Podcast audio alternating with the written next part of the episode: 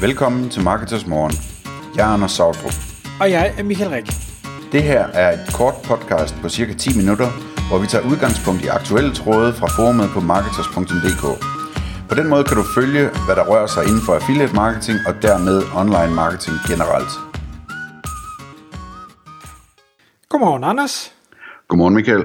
Så skal vi til mikrofonerne igen, og i dag skal vi tale om affiliate marketing. Vi skal tale om, hvordan du i dit øh, job hos Partner Ads er i jo løbende dialog med annoncører, er i løbende dialog med affiliates, og, og taler også rigtig meget med de øh, rigtig dygtige affiliates, vi kan kalde dem øh, pro-affiliates, hvor nogle af de spørgsmål, du får fra de her rigtig dygtige affiliates, det er, jamen, hvordan, hvordan kan jeg tage min forretning øh, til nye niveauer, til nye højder, komme til at tjene endnu flere penge, og øh, fordi du har fået spørgsmålet mange gange, og jo selvfølgelig øh, også øh, ser, hvad der sker derude, så har du bygget dig en lille liste over nogle øh, gode tips, som, øh, som du giver de her pro-affiliates, men som formentlig også vil kunne bruges af en del andre øh, affiliates, der lytter med herude.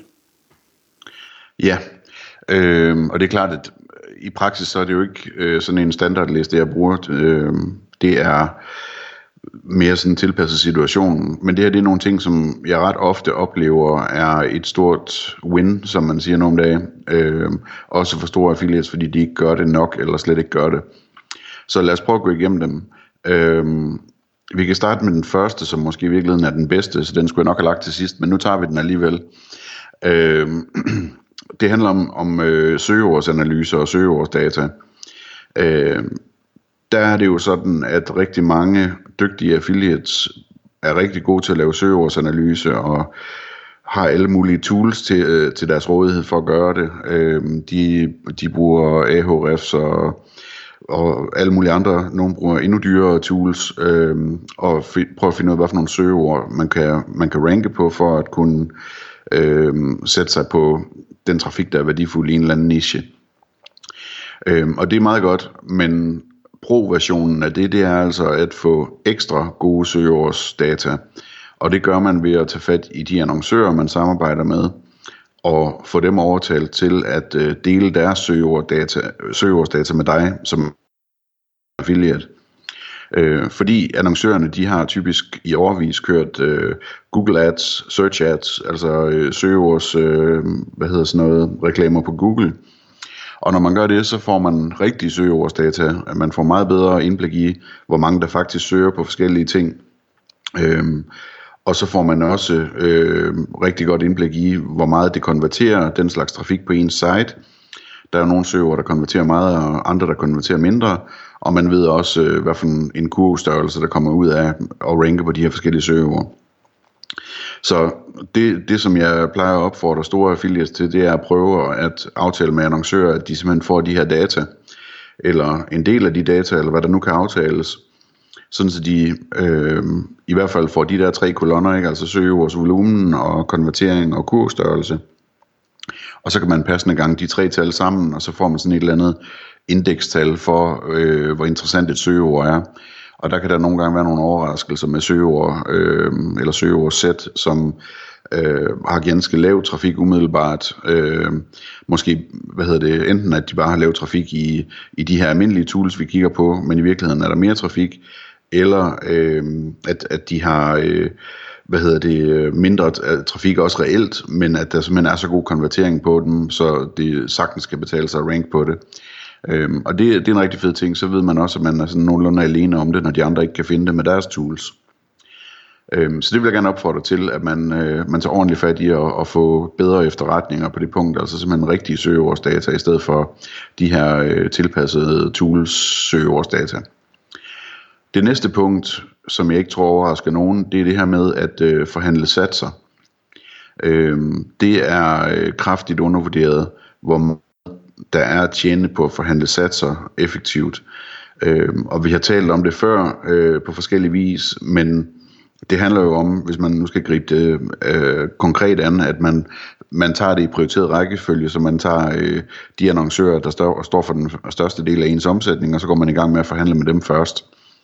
Øh, og når man så forhandler satser, så er det sådan et, øh, hvad hedder det, guitar-ting. Øh, man skal give noget øh, for at få noget tit, øh, hvor man så laver nogle aftaler om, måske at blive øh, og, og gøre den annoncør mere featured, eller lave nye artikler, eller et eller andet, som, som gør, at, at den her annoncør føler, at, at øh, man får noget for pengene.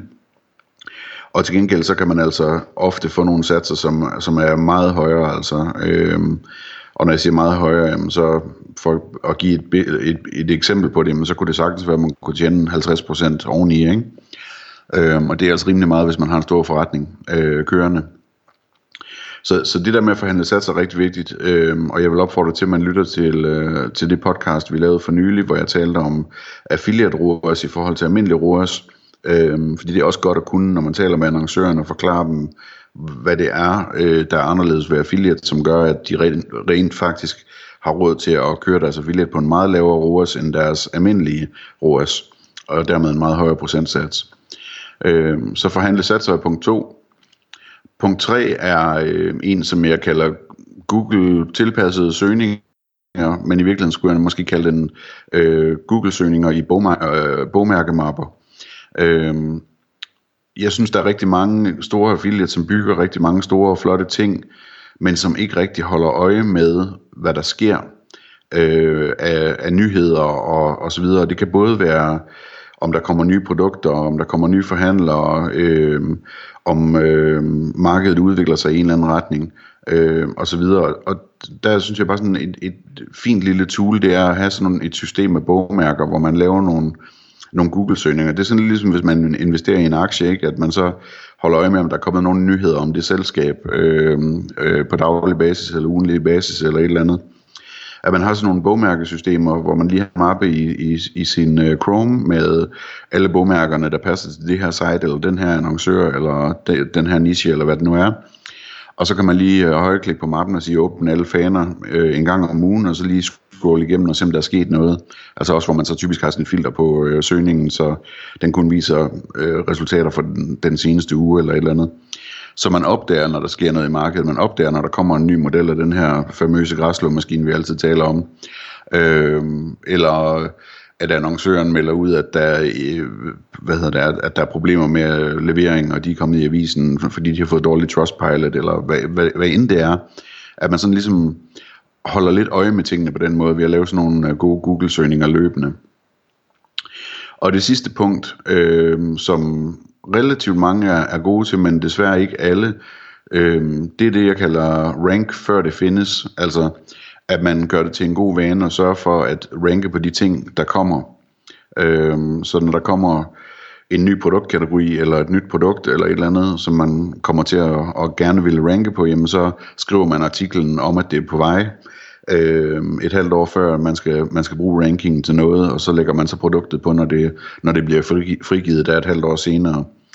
Øh, det kræver selvfølgelig også, at man ved, hvad der er på vej, og det kan man bruge som Google-søgninger til, og så kan man selvfølgelig også være i tæt kontakt med sine store annoncører omkring, hvad man skal vide, hvad der er på vej osv., sådan så man øh, får en, øh, en flyvende start øh, og bliver altså dels så får man jo trafikken fra dag 1, øh, og, og de andre har svært ved lige at indhente en, Øh, men der er også det der i, at, hvis man er den, der har ressourcen liggende fra start, jamen så øh, kan der også falde nogle naturlige links af, som gør det, at man cementerer sin position endnu bedre. Så det er, det er sådan fire eksempler på, på hacks, som jeg kalder det, til, øh, til brug affiliates, som jeg tror, at mange kan bruge nogle af, og øh, i hvert fald også nogle hacks, som man kan bruge, selvom man er lidt mindre affiliate.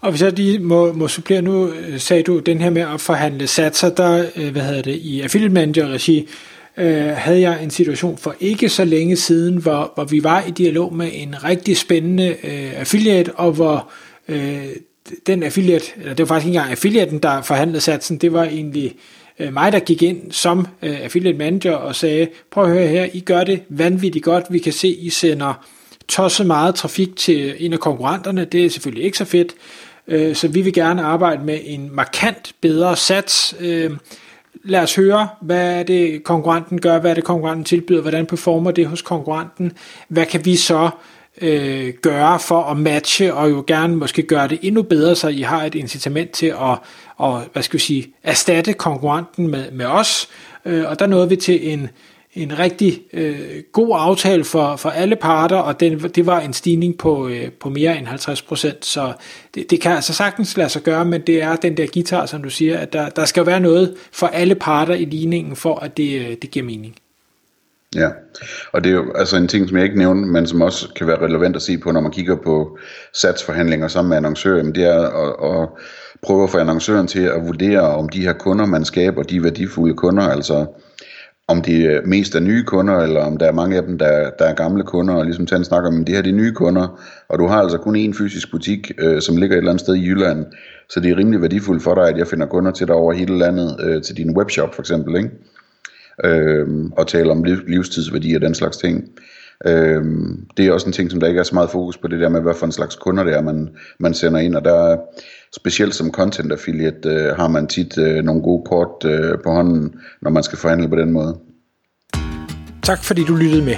Vi vil elske at få et ærligt review på iTunes, og hvis du skriver dig op til vores nyhedsbrev på marketers.dk-morgen, får du besked om nye udsendelser i din indbakke.